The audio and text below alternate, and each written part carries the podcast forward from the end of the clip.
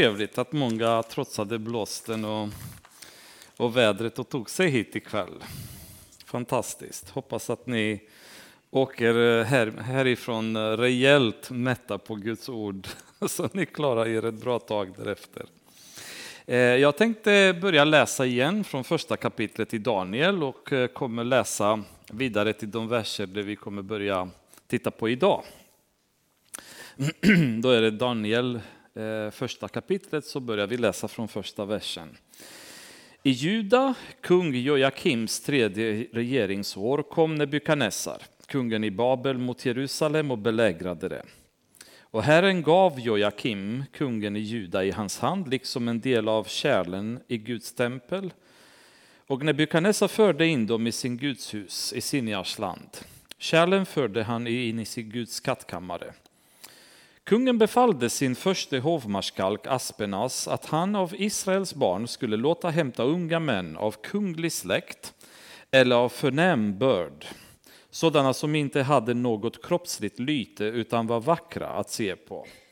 De skulle kunna tillägna sig all slags lärdom, vara kloka, ha lätt för att lära och vara dugliga att tjäna i kungens palats.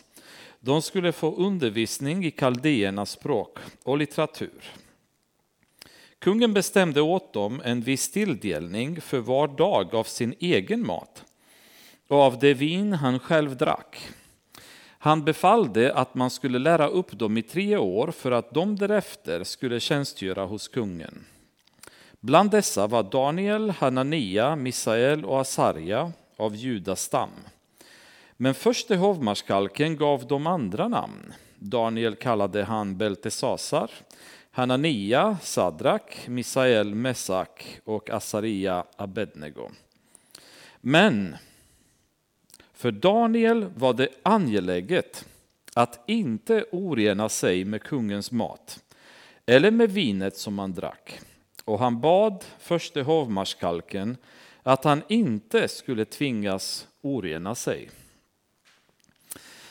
Det är vers 8 som vi kommer börja med idag och ni kommer ihåg sammanhanget. Eh, Nebukadnessar, han har anfallit eh, Jerusalem, han tog med sig slavar därifrån. Ehm, en del av dem var dessa fyra unga män, väldigt unga, i tonåren någonstans. Ehm, händelsen inträffade 605 före Kristus. Uh, nu befinner de sig i Babylon, ungarna är på plats där, tonåringarna, och de ska genomgå en uh, klassisk hjärntvättningsprocess då, där de ska ändra sitt namn, de ska ändra sin kultur, de ska lära sig nya saker, nya språk. De ska lära, lära sig den babyloniska vägen. Då. och eh, inkluderat i detta så är det också att äta kungens mat. Vilket är ju en förmån, alltså förstå vad en slav och slavar var inte särskilt eh, milt behandlade på den tiden, utan de lever i absoluta misär. Då. Ehm, och att ha den förmånen, alltså jag funderade många gånger, säg att vi skulle befinna oss i Daniel och de andra tre ungarnas skor, tonåringar. Vi har gått flera tusen kilometer genom miserabla förhållanden i öknen, hamnar i Babylon och eh, vi ser vad som hände med judarna som kommer dit och vi läser om vi läser i kronikeboken, Jeremia, Jesaja och så vidare profetierna om det lidande som judarna upplevde de led i Babylon under den tiden. Då skulle man kanske tycka att man är rätt så, rätt så lycklig lottad om Eh, kungen kommer plocka några utav dem och säger ni, ni ska få väldigt lyxig behandling. Eh, ni verkar mycket smartare än de andra losersen då, som är ute på fälten och gräver och hackar efter potatis eller vad som helst. Då.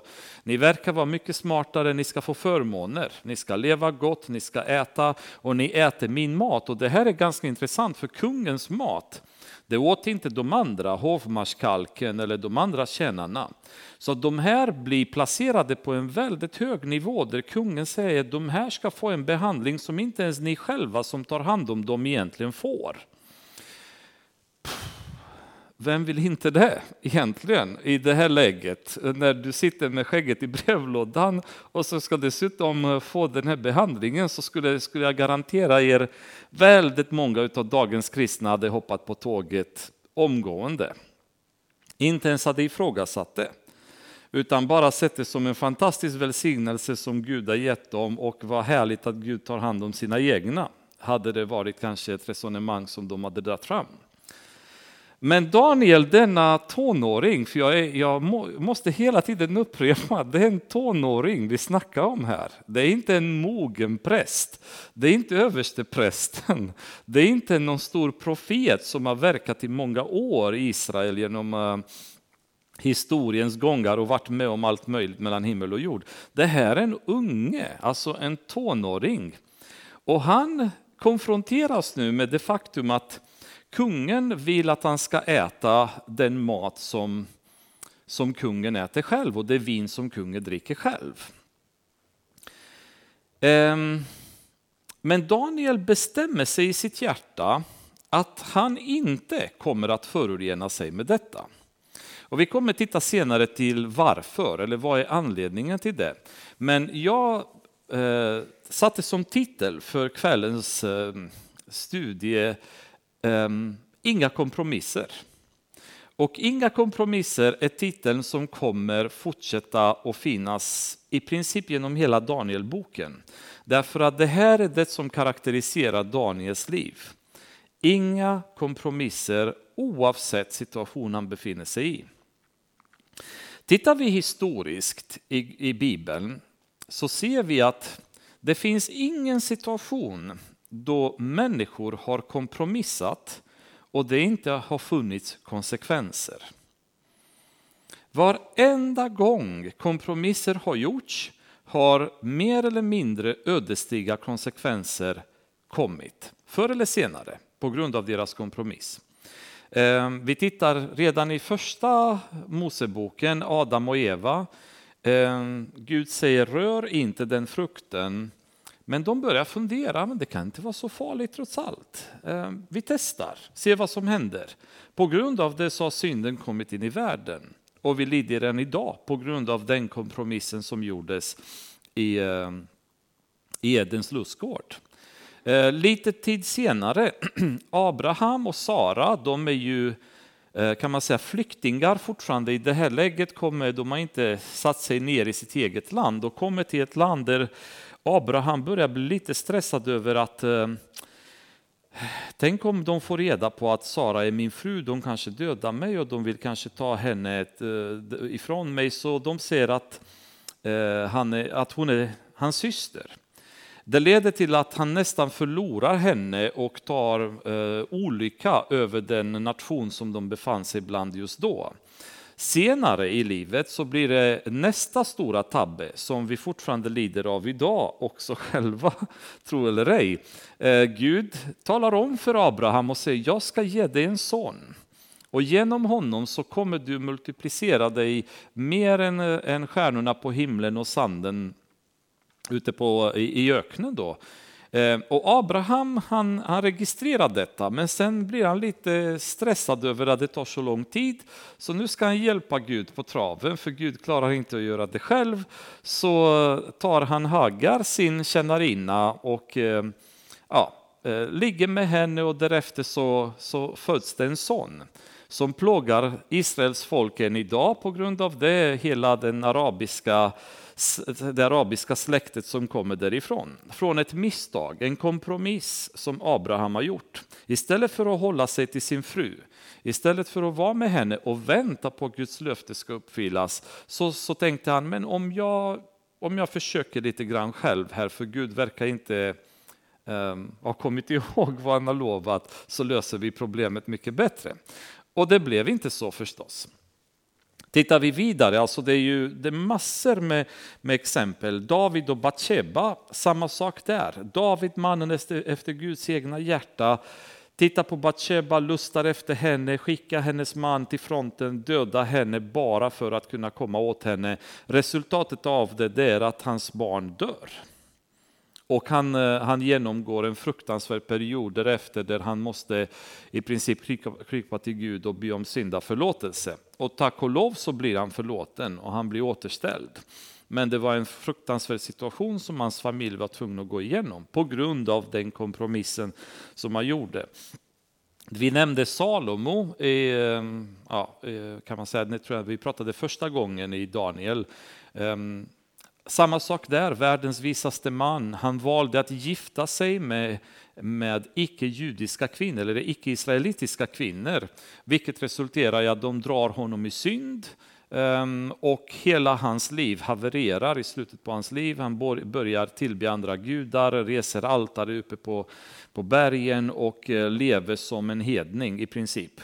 Ehm, vad var resultatet av kompromiss? Han kunde inte hålla sin kärlek i styr, han kunde inte tygla sina lustar och resultera i katastrof för honom därefter. Då. Så kompromissen resulterar aldrig i något gott. Och det är ju ganska viktigt att vi håller i åtanke eftersom vi ständigt hamnar i de här lägena som kristna. Får jag göra det?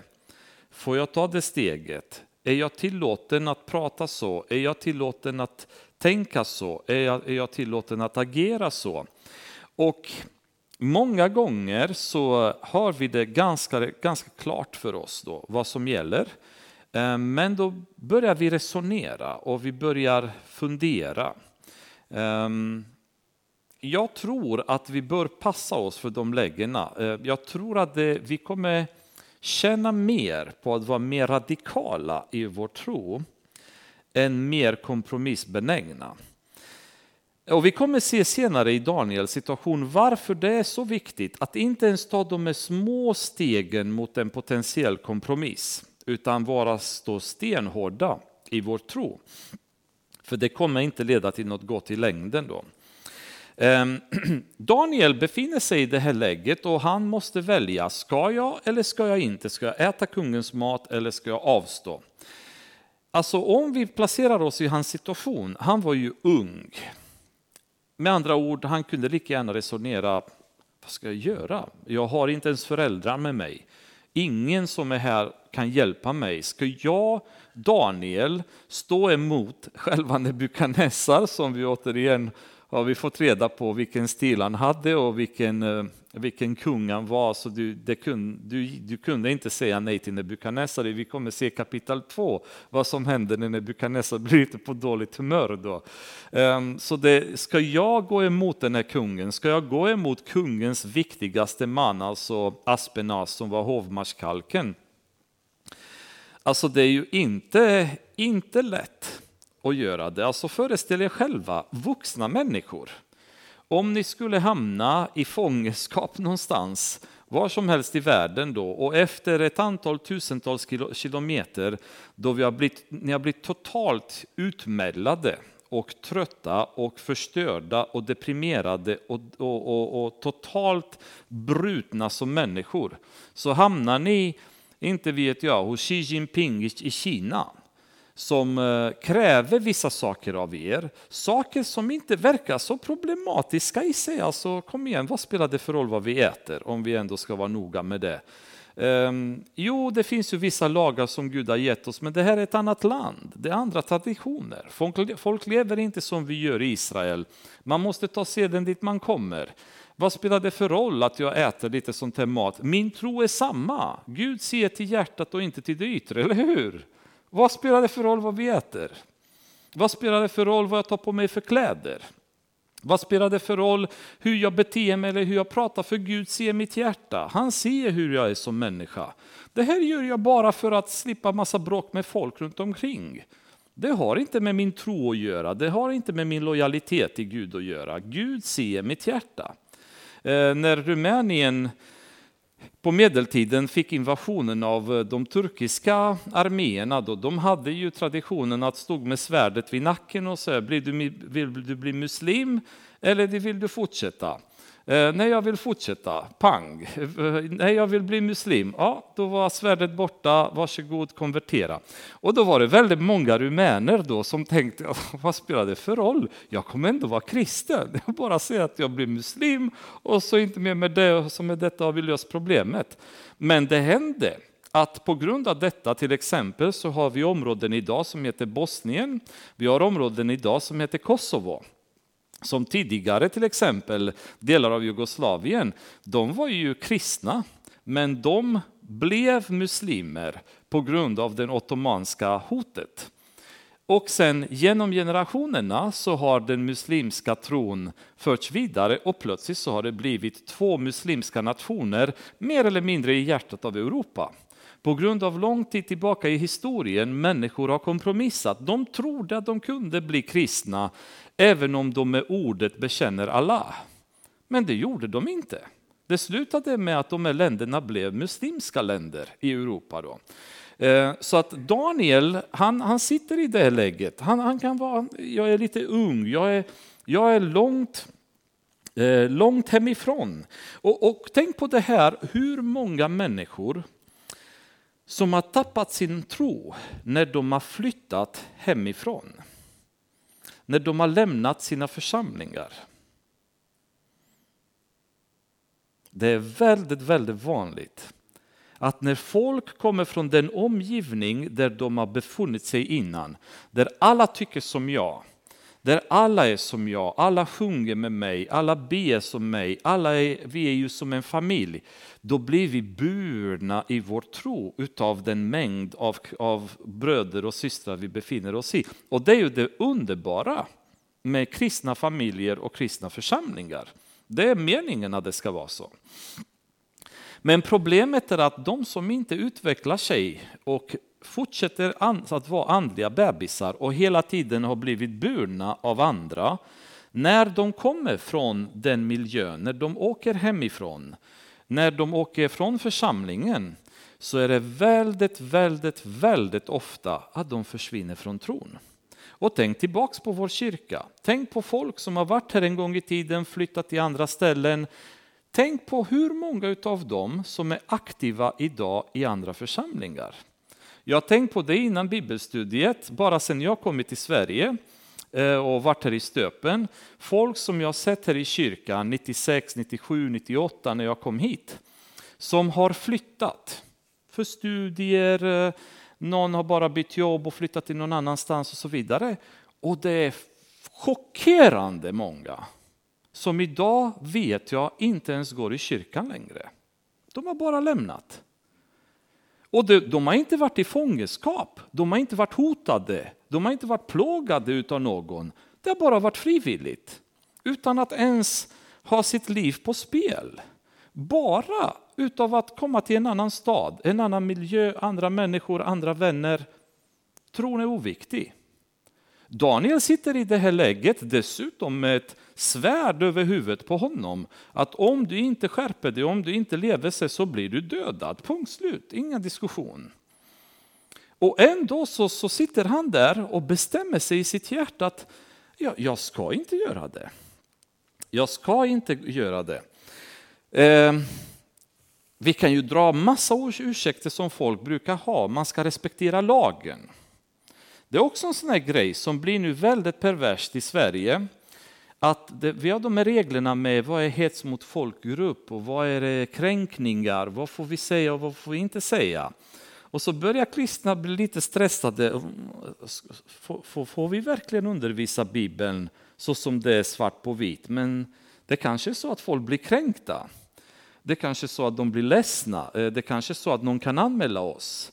Vi kanske så får ta det lite varsamt med hur noga vi är att undervisa Guds ord. För tänk om vi åker på problem. Och vi vet att det finns ju fall. Vi vet Åke Gren som blev anmäld för att han predikade mot homosexualitet till exempel.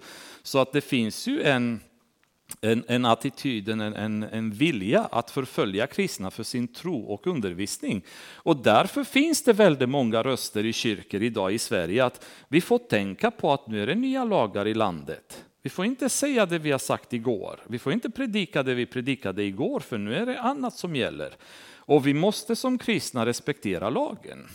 Och Daniel kunde mycket väl resonera på samma sätt. Det är Babylon, de har andra lagar, jag måste anpassa mig till deras lagar.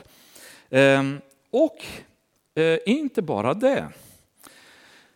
Jag har träffat genom åren folk, ehm, inte sällsynt faktiskt, relativt oftast, som har lämnat tro, alltså som man har själv träffat eller som man har hört, ibland på tv, till när det har varit något program med någon som berättar om sin livshistoria.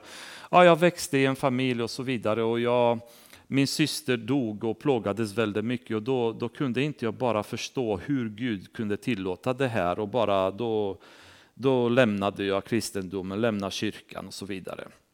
Eh, folk som jag träffade var en eh, klasskamrat från bibelskolan Eh, som jag var i Österrike, som också lämnade tron därför att hon tyckte att eh, Gud var fördömande i Bibeln. Då, så det hade hon väldigt svårt att, att ta, så att hon, eh, hon lämnade tron. Folk som, som har lämnat tron när de har kommit i situationer när de anser att Gud har gjort dem besvikna. Gud har inte presterat så som jag hade förväntat mig att han ska göra. Mitt barn har dött. Jag har råkat ut för elände i min familj och inte bara elände utan det är elände på elände på elände många gånger. Och bitterheten bara ökar och folk blir bittra mot Gud. Varför gör han så mot mig? Om man verkligen är som man är, om man verkligen älskar oss som man säger, varför händer detta mig? Och de lämnar honom på grund av det. Daniel kunde mycket väl ha sagt, jag sköt mig i Israel jag har ingen skuld i detta. Jag har ingen skuld i att, att israeliterna inte hållit eh, sabbaten ordentligt, att de har eh, arbetat på Guds dag, att de har inte befriat slavarna var sjunde år och så vidare. och så vidare. Vad har jag med saken att göra? Och så ska jag nu genomgå det straffet från Gud. Och en bitterhet kunde mycket väl ha kommit i hans liv där han sagt Gud har struntat i mig, varför ska jag bry mig? För det är den inställningen som många, även kristna, har idag. Som lämnar sin tro på grund av att Gud har varit lite oschysst. Han har inte presterat på det sättet som de har förväntat sig att han ska göra. Det beslut vi tar idag är det som kommer påverka framtiden imorgon och framtiden i många år därefter. Och det fattar inte vi alltid. När vi sitter i situationer där vi måste bestämma oss kring om vi är lojala gentemot Gud eller inte, så är de besluten som kan påverka hela resten av vårt liv. Hela resten av vår familjs liv, av våra barns liv. Och återigen om vi tänker historiskt på saker som har hänt i vår församling, folk som har varit där, som inte är här idag. Man ser nästan hur processen har pågått, var det har börjat och var det har slutat var kompromissen har börjat göras. Eh, det börjas med att man inte kommer så ofta till kyrkan. Det börjas med att man börjar, man börjar prova lite synd hit och dit. Det börjas med att underhållningen tar över. Det börjas med att eh, det är friktioner hit och dit i familjerelationer. Det börjas med att de inte kunnat förlåta någon i kyrkan som har gjort dem någonting någon gång för många år tillbaka och den bitterheten har bara vuxit och besvikelsen. Det börjas med att de inte tycker att kyrkan uppmärksammar dem. Alltså har ni tänkt? Det här är något som fascinerar mig jättemycket. Det är så många som, rätt vad det är, som de struntar i att komma till kyrkan. Och sen blir de väldigt besvikna på att ingen går och bjuder dem till kyrkan. Men alltså, det här är vårt hem. Det här är vår familj. Ska jag sitta hemma och vänta på att ni ska komma och bjuda hit mig? När jag tillhör den här familjen.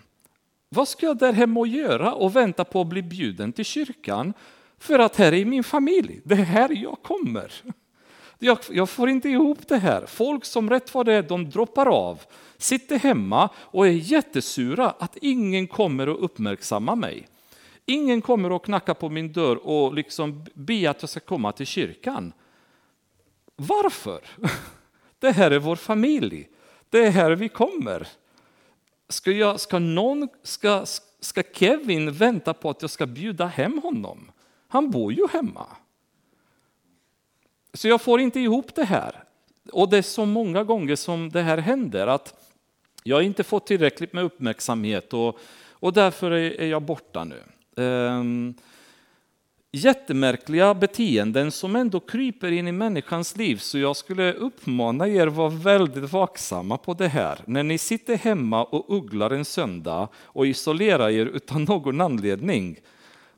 Det är inte okej. Okay. Alltså tänk på det.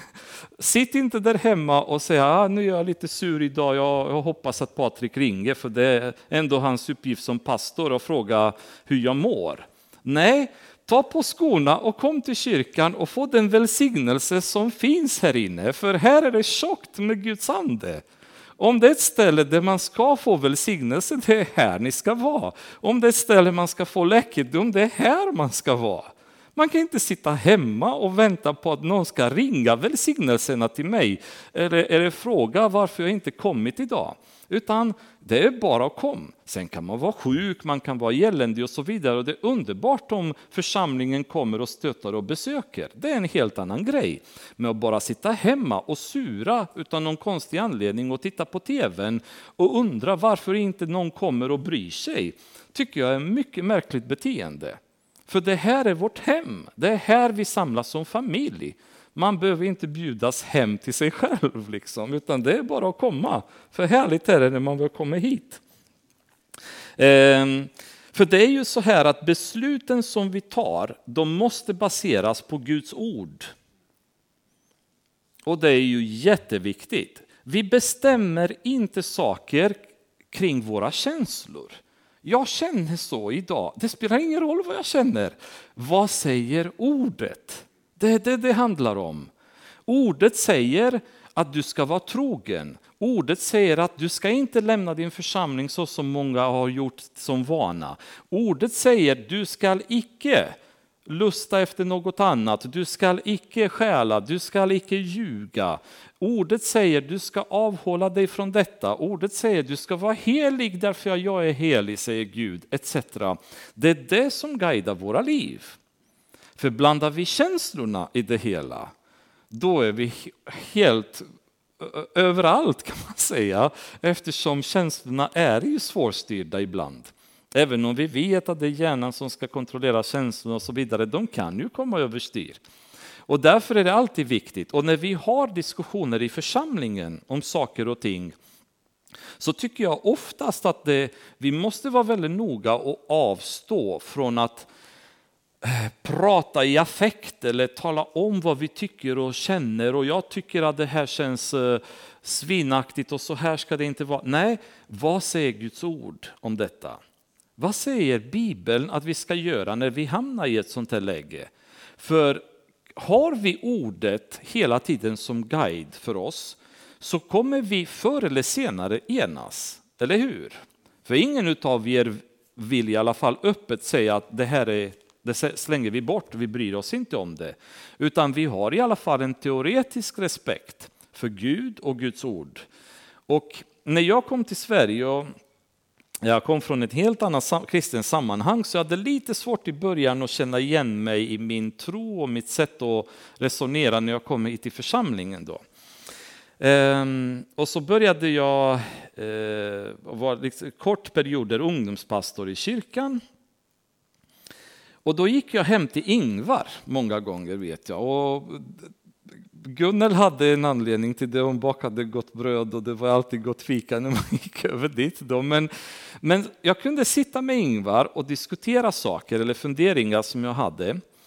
Och det var inte alltid att jag upplevde att jag nödvändigtvis höll med Ingvar. Men det jag upplevde det är att det gick alltid att prata med Ingvar för att han hade en genomhelig respekt för Guds ord.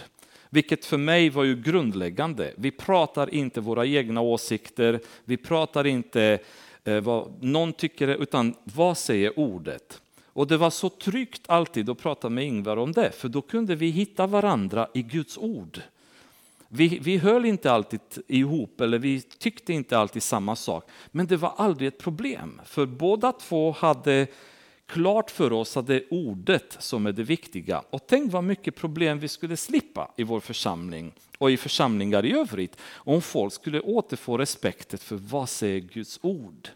Så vi slipper babbla våra egna åsikter, vad någon predikant i Toronto säger eller vad någon predikant i Papua Nya Guinea säger eller var som helst. Vad säger ordet? Det är helt ointressant vad folk skriker från predikostolar runt omkring i världen. Det enda som är intressant är vad säger Guds ord? För det är så mycket eh, viloräror och det är så mycket konstigheter som pågår runt omkring. För det enda vi har som ankare det är Guds ord. Och den ledning som vi får genom heliga anden när vi läser Guds ordet. Eh, och det är det som, som håller Daniel fast i sitt beslut. Eh, men nu kan vi komma till, till kritan. Varför vill han inte äta och varför vill han inte dricka? Och det kan finnas olika anledningar till det. Eh, det ena som jag egentligen inte tror var fallet, men kan vara värt att nämna utifall att det, då, det är att det fanns i Israel något som heter nasirtid. Det vill säga en person kunde bli avhållen eller avskyld under en period eller kanske under hela hans liv vilket innebar att man fick aldrig klippa sig och man fick aldrig dricka vin. Man fick inte ens befatta sig med något som kom från vinstocken kan man väl säga i grunden. Det är tveksamt att det var anledningen i Daniels fall, men vi vet ju egentligen inte. Det kan mycket väl ha varit så. Det finns ju flera situationer av folk som, var, som hade gått i nazirtid, bland annat Simson till exempel. Han var ju han skulle avhållas under hela sitt liv då från vin eller vinprodukter, eller vinstocksprodukter.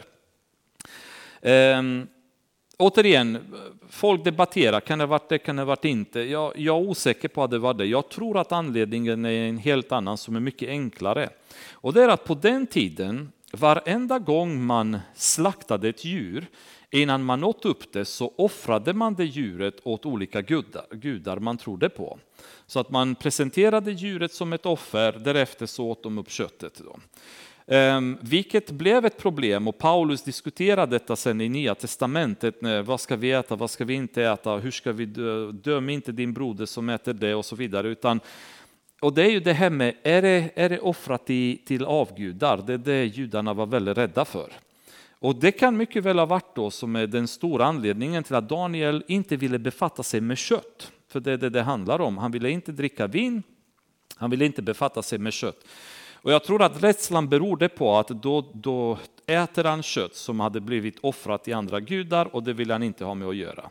Det kan ha varit så att det köttet som åt, eller den maten som åts där, var orent utifrån de matregler som judarna hade. Vi vet att de hade väldigt strikta regler, de fick inte äta gris, de fick inte äta skaldjur etc. etc. Man vet ju inte vad de åt i Babylon, så det är möjligt att det kan ha varit så att den maten var oren helt enkelt för honom som jude.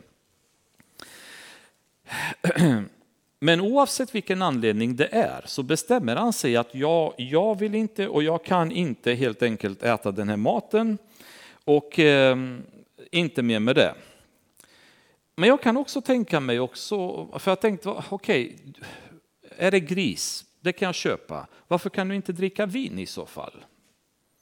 Det spelar ingen roll, vinet offras inte till gudar och det är inget märkvärdigt och så vidare. För vin dracks ju i Israel också, det är inga konstigheter. Ehm, vi kan bara spekulera, men egentligen så en, en sak som jag tror vi kan ha i våra tankar kring det, det är att när vi sitter framför en, en komplex situation där vårt agerande kan leda till synd, så är det väldigt bra många gånger om vi avstår även det som potentiellt verkar vara okej okay för oss att göra. Så att vi inte genom att ta det här lilla steget kan vi öppna dörren till att vi tar in det som sen är synd. Det kan ha varit en sån grej, det vet vi inte. Men jag tror ändå att det är bra att vi har i åtanke att ibland så hamnar vi i de här väldigt komplexa situationerna då vi sitter och resonerar. Ja, det här kanske kan jag göra. Eller det, det är bättre att backa lite grann och säga nej, jag, jag, jag skippar. Gör, gör, inget sånt alls. Då. För jag är inte riktigt säker på om det här är okej okay eller inte okej, okay, men jag vet att hela paketet som serveras är syndig. Sen om delar av det skulle jag kunna plocka, Det kan man resonera, men kanske klokare att avstå det hela för säkerhets skull. Då. Ehm, det som jag gillar också i, i den här versen det är att men för Daniel var det angeläget att inte orena sig. Alltså den här killen, han bestämmer sig själv. För att eh, vi läser ingen annanstans att de här israeliterna som kom i Babylon bestämde sig att de inte skulle orena sig. Utan den här tonåringen, han, han står där själv och säger, nej men jag, jag ska inte ta det där. Men alla andra gör det. Ingen annan säger att det här är ett problem. Och det är, det är vuxna människor, det är ju präster som finns bland dem, det är alla möjliga. Men han bestämmer sig att jag ska inte ta något av det här. Men hur är det med de andra ungdomarna som var med? Ja, vi vet inte om de har tagit eller inte, men vi vet att Daniel själv bestämde sig att han inte skulle förorena sig med den här maten. Eh, och det är ju, det är ju väldigt lätt när man är i en grupp. Så innan vi ser det kanske kan man säga, inför Gud så är vi alltid individuellt ansvariga för vår synd. Vi kan inte skylla på Patrik, vi kan inte skylla på föräldrar, vi kan inte skylla på det land vi har bott i, vi kan inte skylla på regering, på den församling som vi har varit i och så vidare. Vi är ansvariga för våra egna synder. Punkt slut. Vi kan komma med mängd ursäkter. Den församling jag vuxit i, det var inte tillräckligt bra, jag tycker inte vi fick bra med undervisning, lovsången var kast, tråkigt var det som bara den, jag tycker inte bänkarna var be bekväma att sitta i. Det finns en mängd olika ursäkter som vi som kristna kan komma med, men de är fullständigt värdelösa. Därför att det enda som bär skulden för misslyckande, det är vi själva.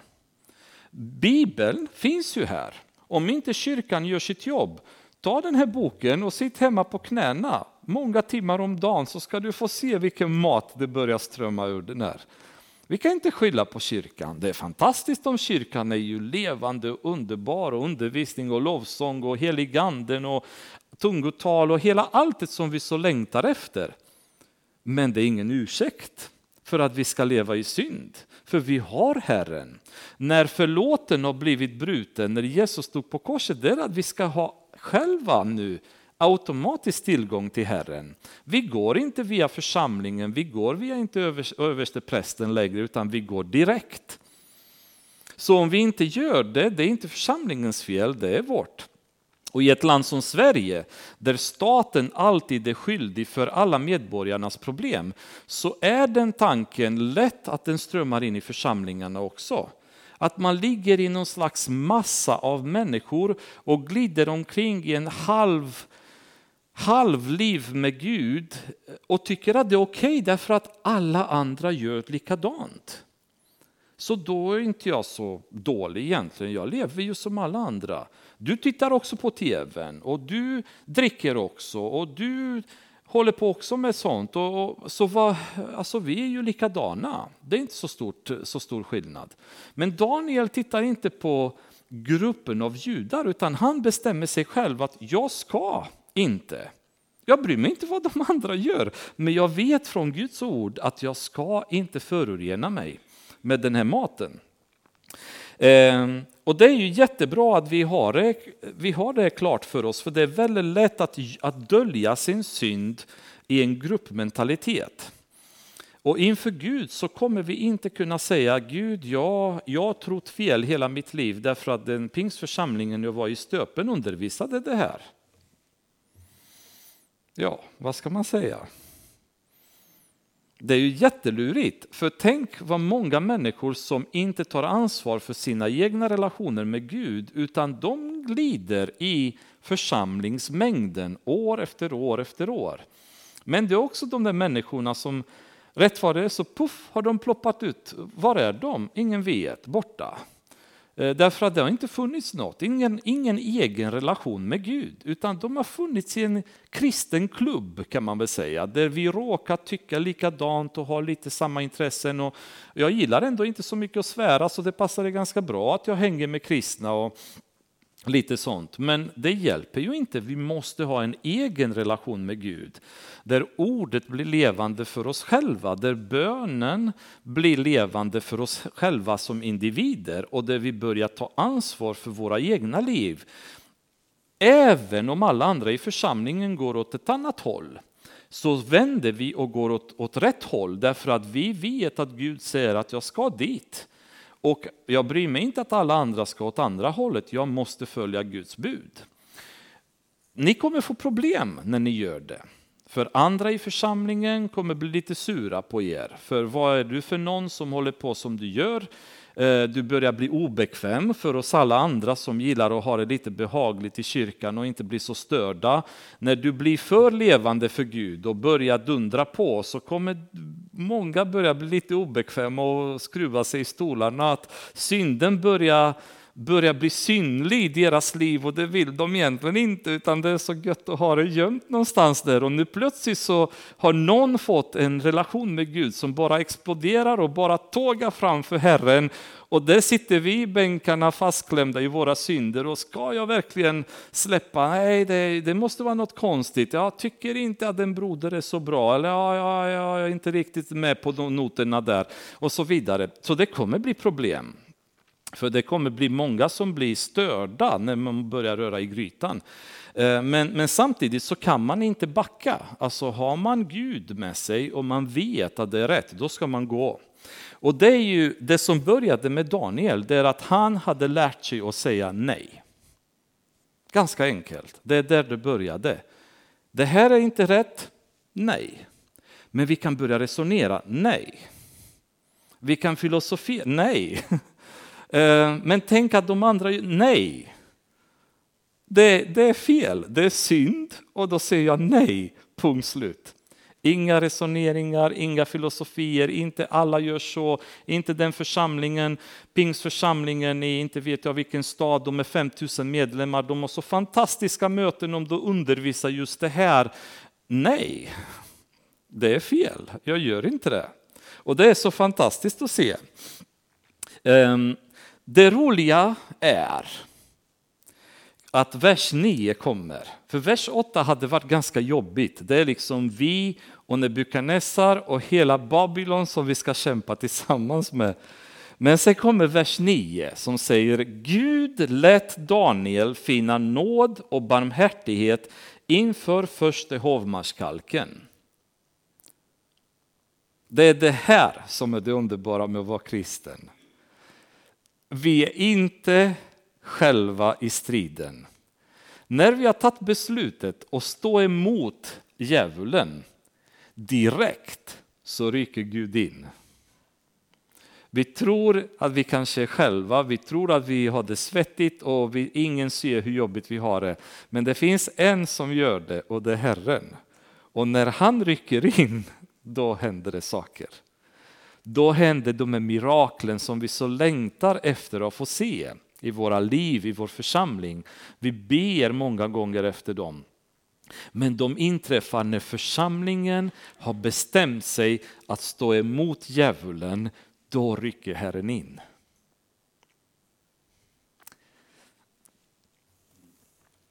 När världen är framför oss och hotar och vi står och säger nej, då rycker Herren in. Och då händer de här miraklen som vi längtar efter att få se i våra liv och i vår församling. Då hovmarskalken, som jag kan tänka mig var ingen lätt människa heller att ha att göra med. Han var ju liksom en av de högsta i Babylon. Gud lät Daniel finna nåd och barmhärtighet hos honom. Men denne sa till Daniel, jag fruktar att min herre konungen som har bestämt vad ni ska äta och dricka ska finna att ni är magrare än de unga män som är jämnåriga med er. Ni kommer då att dra skuld över mig inför kungen. Han är med andra ord rädd. Och det förstår jag varför, för det är återigen det Nebukadnessar det handlar om. Så han menar på att Alltså jag har inget emot dig Daniel, du är schysst, väldigt trevlig kille, jag gillar dig, men jag har ett problem och det är ju när kungen kommer se hur ni ser ut så är jag rökt och det är snabbt också. då grillas jag i ugnen precis som alla andra. Ehm, och det, det är en förståelig eh, situation då, så han, eh, han är mån om sin, sitt problem och han vill inte vara elak mot, mot Daniel, men i princip säger tack men nej tack, utan eh, det är som det är. Kungen, kungen har bestämt och jag kan inget göra för jag vill inte riskera detta. Ehm, men Daniel ger inte, han tar inte ett nej heller för ett svar. Det är också en sån här rolig grej, för om, om han hade varit ute efter att hitta en ursäkt till att ändå göra det, så kan han säga, ah, men för mitt eget samvete, jag, jag gör ett motstånd en gång, ah, nej det gick inte, då får jag väl göra som alla andra. Men det, Daniel är inte ute efter att hitta ursäkter i detta, utan han vill inte förorena sig.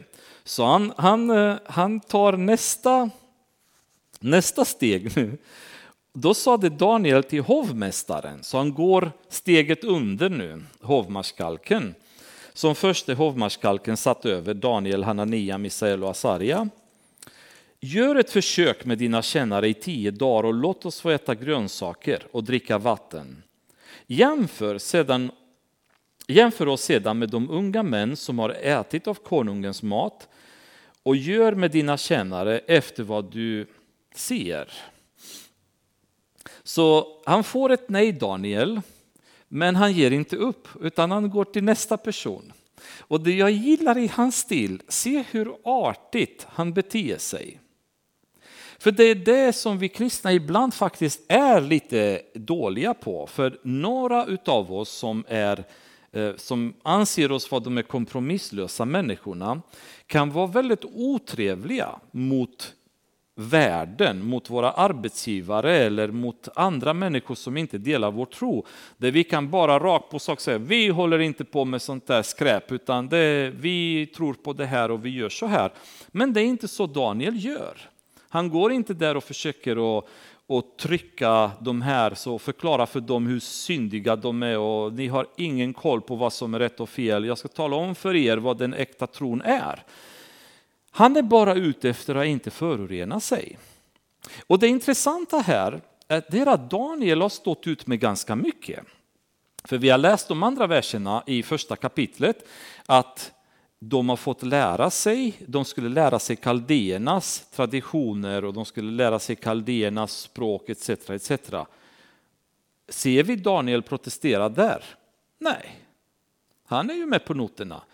Till och med när hans namn byts från Daniel till Beltesasar, från en gudaktig namn då, som man hade innan till en, ett ogudaktigt namn, protesterar Daniel då? Nej. Han protesterar bara när synd blir ett val för honom. Då tar han upp vapnen och säger, här går gränsen. Jag kan lära mig er kunskap, jag kan lära mig ett språk, jag kan byta namn. Det spelar ingen roll. Men om ni kräver att jag ska göra saker som inte finns i Guds ord, det är det jag inte kan göra. Och det är det som borde vara också vår inställning många gånger. Det är som Jesus har sagt, jag ber inte dig att ta dem ur världen utan att du ska skydda dem i världen. Vi finns ju i världen själva. Och vi, kan, vi behöver inte vara överkaxiga eller överandliga i våra relationer med människor. Vi kan vara normala. Eh, vi kan sitta i skolan och lära oss om Big Bang, men vi behöver inte tro på det. Men vi kan lära oss om vad världen tycker, hur världen resonerar, vad historien säger. Ja, världen säger så, världen säger så. Inga problem, det är kunskap, det belastar inte. Men vi behöver inte tro på det. Från, från, vi kan lära oss om öst, östlig mysticism om vi vill. Men från det till att börja praktisera yoga, det är en helt annan sak. Vi kan ha kunskapen om det, men vi befattar oss inte med det. Där går gränsen. Vi tar inte stegen dit.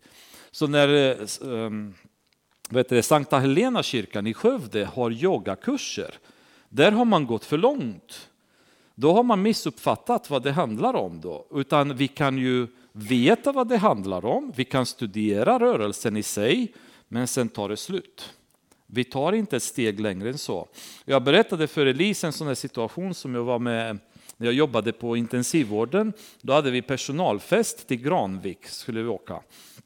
Och jättetrevligt, folk skriker alltid inom vården att kan inte vi få några förmåner och alla på Volvo de får det och det, vi får ingenting. Så våra chefer var schyssta och skulle ta med oss till lite maskerad utbildning för att det måste vara det för att det ska gå ur skattesynpunkt och så god mat och hela allt det skulle vara med. Jättetrevligt. Men, och så satt jag vid bordet där, hade jätteroligt, eh, mysig miljö, hela alltet. Men på kvällen då ska de dra till en lada som låg bredvid Vättern och nu ska det spelas musik och nu ska det bli dans och hela alltet. Um, och jag gick in där och så plötsligt såg jag hur de här människorna som jag umgicks med innan och satt och åt och hade det trevligt, nästan att de förvandlades när de gick in i ladan och musiken kom på.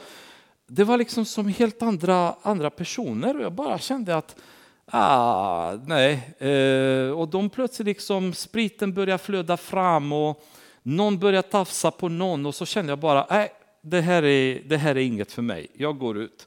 Så jag gick och la mig och sov jättebra hela natten. På morgonen då hör jag berättelserna, då har det hela spårat ut.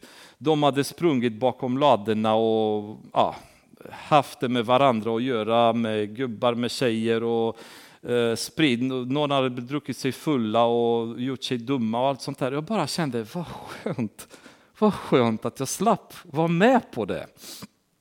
Och det är det som man känner också att vi som kristna, vi kan vara trevliga, vi kan vara normala, men var alltid, alltid, alltid noga med att ta gränserna eller förstå var gränserna går, där det börjar inkräkta på vår tro, på vår relation med Gud, på vår relation med våra familjer, på vår relation med vår församling. Vad händer om vi tar de här stegen? Hur påverkar det mig sen? Och det är det Daniel var väldigt noga. Och på ett väldigt artigt sätt nu går han till hovmästaren och säger, ska vi göra ett försök? Ta inte mitt ord för givet, utan låt oss testa i tio dagar och får du, därefter får du bestämma vad du ser. Och jag är väldigt osäker här på om, om det kan möjligen ha varit så att Daniel eh, trodde på att de här tio dagarna kommer göra så stor skillnad. För jag, jag är väldigt svårt att tänka mig att på tio dagar att man märker så mycket skillnad om någon äter grönsaker och om någon, om någon äter eh, kött. Jag vet inte, det kanske går att märka något. Men jag tror det är mer en gudomlig akt. Daniel han är säker på att Herren kommer vara med dem. Om det är 10 dagar eller 20, jag tror det hade spelat mindre roll för honom, utan det, det som var viktigt var att han visste att om jag står fast vid Herren så kommer han lösa det problemet. Och han ger det här förslaget. Och hovmästaren han eh, säger att eh, han lyssnade till deras begäran och gjorde ett försök med dem i tio dagar. Efter de tio dagarna visade de sig vara vackrare att se på och mer välnärda än alla de unga män som hade ätit av kungens mat. Hovmästaren lät dem då också i fortsättningen slippa den mat som hade varit bestämd för dem och det vin de skulle ha druckit och han gav dem grönsaker istället. Åt dessa fyra unga män gav Gud nu kommer det återigen, nu kommer Herren som ger belöningarna för att de har varit så trogna. Och dessa fyra unga män gav Gud kunskap och insikt i all slags skrift och vishet. Och Daniel förstod alla slags syner och drömmar. När tiden var inne, då kungen bestämt att de skulle föras fram inför honom, fördes de av förste hovmarskalken inför Nebukadnessar. Kungen talade med dem och det fanns ingen av dem som kunde jämföras med Daniel, Hanania, Misael och Asaria. De fick då tjänstgöra hos kungen. Han fann att de i alla frågor som krävde visshet och förstånd var tio gånger klokare än någon annan av de spåmän och besvärjare som fanns i hela hans rike. Och Daniel blev kvar där ända till kung Koresh första regeringsår. Vilken fantastisk berättelse. Den här unge killen, tre år senare efter att ha tagit beslutet att inte förorena sig, han får belöningen från Herren. Han blir tio gånger smartare än alla de andra. och kungen direkt känner att de här vill jag ha. De ska jobba hos mig. Ehm, man kan väl säga att ibland så har vi problem med att höra Guds röst. Och vi har problem att höra Guds vilja. Och vi är lite halvförvirrade i vår relation med honom. Men se lite grann ordningen i Daniels liv. Det finns egentligen inga genvägar till Guds vilja eller Guds mirakulösa ingripande många gånger. Utan om vi följer Guds vilja, då kommer Gud uppenbara sin vilja för oss. Om vi följer hans vilja, det är då han börjar uppenbara sin vilja för oss. Det, det, det är då vårt liv börjar få mening. Det är då vi börjar se en väg fram där vi ska vandra på. Och tydligheten och, och självsäkerheten vi får blir större och större. För synden ger förvirring och ger um, depression, det ger en, ett tryck i, i våra liv. Medan att vandra i Guds vilja ger frihet, ger självförtroende, ger självsäkerhet, ger styrka, ger frid, ger glädje. Så det är de egenskaperna som vi får när vi börjar vandra i Guds vilja och ju mer vi vandrar i hans vilja desto mer av hans vilja börjar vi upptäcka. Och då börjar få vårt liv en mening.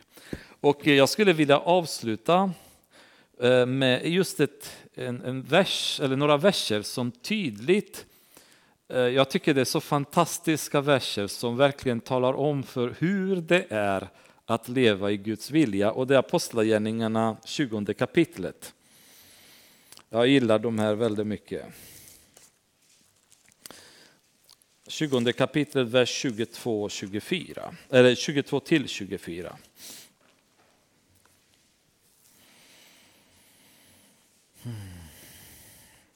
Det är Paulus som pratar där. Eh, han är hos de äldste i Efesus. Jag har inte försummat något som kunde vara till nytta för er. Jag har predikat och undervisat offentligt och i hemmen. Och jag har uppmanat både judar och greker att de skall omvända sig till Gud och tro på vår Herre Jesus. Och se, bunden i anden beger jag mig upp till Jerusalem utan att veta vad som kommer att möta mig där. Jag vet bara att den helige Ande i stad efter stad vittnar att bojor och lidande väntar mig. Men jag anser inte att mitt liv har något värde för mig själv. Jag vill endast fullborda mitt, hopp, mitt lopp och den uppgift som jag fått av Herren Jesus att vittna om Guds nåderika evangelium. Jag vet inte vad som händer med mig. Jag vet bara att det blir bojor. Det kommer bli bekymmer var jag än tar vägen. Men jag har bara ett mål i livet och det är att stå fast vid Herrens bud och predika evangelium för greker, för judar, för de som har kallat mig till att göra det för. Resten, det tar Herren hand om. När man lever i Guds vilja, då tar man bort oron över vardagen. Man lägger det på Herren. Man tar bort tyngden och lägger den på Herren och man har bara en uppgift man behöver oroa sig för och det är att stå kvar i hans vilja. Resten sköter Herren. Resten sköter Gud. Han tar över så fort vi har tagit det beslutet och börjar, börjar vandra i hans vilja. Herre, vi tackar dig för det här exemplet och för Daniel och tack för den här boken som är så rik i råd från dig. Min bön och min önskan för mig och hela församlingen, Herre, det är att du ska hjälpa oss att stå i din vilja, att kunna fortsätta att vandra i din vilja. Att inte låta oss kompromissa, att kunna förstå glädjen i att verkligen följa din vilja, Herre Jesus. Så att vi verkligen förstår att glädjen och tillfredsställelsen finns inte i synd utan det finns i dig Jesus. Dessutom så är det inte vi som kommer kämpa alla strider och eh, behöva ta alla kamp, all kamp framöver utan du är den som för kampen med oss. Det är inte genom någon människostyrka utan genom den helige ande Herre det ska ske. Jag ber för var och en av oss här ikväll att du ska hjälpa oss och ha det i åtanke och börja eh, vandra ännu mer bestämt i din vilja Jesus. Att du ska uppenbara det för oss, låta din heliga anden styra eh, både äldstekåren, församlingen och oss som individer Herre. Låt kärleken få börja flöda ibland oss. Låt den här miljön vara en oas där krafterna ska alltid komma tillbaka när vi kommer hit Herre. Ett, eh, ett ställe där din närvaro ska trivas bland oss Jesus. Där du känner att du kan prata med oss och vi lyssnar. Att du kan verkligen, verkligen prata med oss och vi lyssnar. I ditt underbara namn ber vi Jesus. Amen.